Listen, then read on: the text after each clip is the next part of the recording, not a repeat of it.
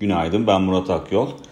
Piyasalara genel olarak baktığımızda büyük resmin aynı olduğunu görüyoruz. Büyüme endişeleri geçerli kalmaya devam ediyor.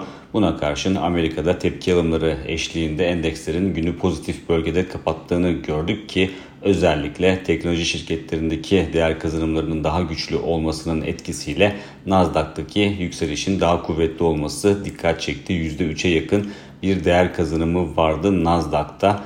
FED'den gelen açıklamalara baktığımızda ise son dönemde gördüğümüz e, söylemlerden farklı bir e, açıklama yoktu. E, FED Başkan Yardımcısı Brainerd'ın yaptığı açıklamalara baktığımızda Fed'in şu anda faiz arttırımlarına ara vermesi için herhangi bir sebebin olmadığını e, vurguladı ki biliyorsunuz Eylül ayında e, Fed'in e, enflasyonun yön değiştirmesi durumunda e, faiz arttırımlarına ara, vere, ara verebileceğine yönelik bir beklenti son dönemde daha çok fiyatlanmaya başlanmıştı. E, ama tabii ki e, FED Başkan Yardımcısından gelen bu açıklamaya karşın enflasyon göstergeleri gerçekten yavaşlama sinyalleri verirse önümüzdeki dönemde tabii ki söylemlerde e, bundan sonra değişecektir muhtemelen. Dolayısıyla bundan sonraki e, süre zarfında verilerin ortaya koyacağı tablonun öneminin yüksek olduğunu rahatlıkla söyleyebiliriz.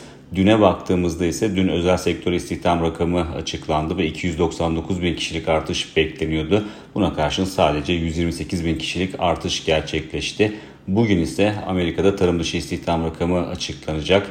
Ee, Nisan ayında 428 bin kişilik bir artış görmüştük. Bu kez 328 bin kişilik bir artış bekleniyor. Verinin beklentilerin altında kalması durumunda faiz arttırımlarının ekonomiye negatif etkilediği bir kez daha teyit edilmiş e, olacaktır. Bu da tabii ki e, Fed'in e, özellikle Eylül ayında beklemede kalma ihtimalini en azından bu yöndeki algıyı destekleyen bir unsur olarak çalışabilir.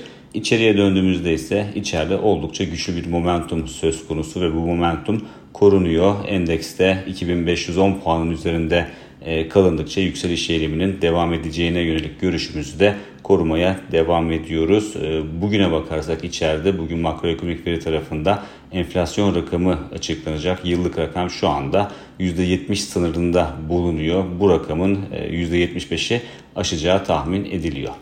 Bir sonraki podcast'te görüşmek üzere.